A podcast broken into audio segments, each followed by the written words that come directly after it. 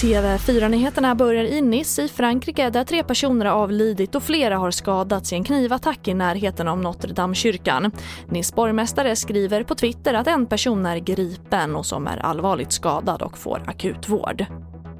Och ytterligare 400 åklagare behöver anställas till år 2024, det säger riksåklagaren till DN. Fler grövre brott och en utökad polisstyrka gör att det blir mer att göra och många åklagare väljer dessutom att gå i pension i förtid eftersom arbetsbördan är så stor.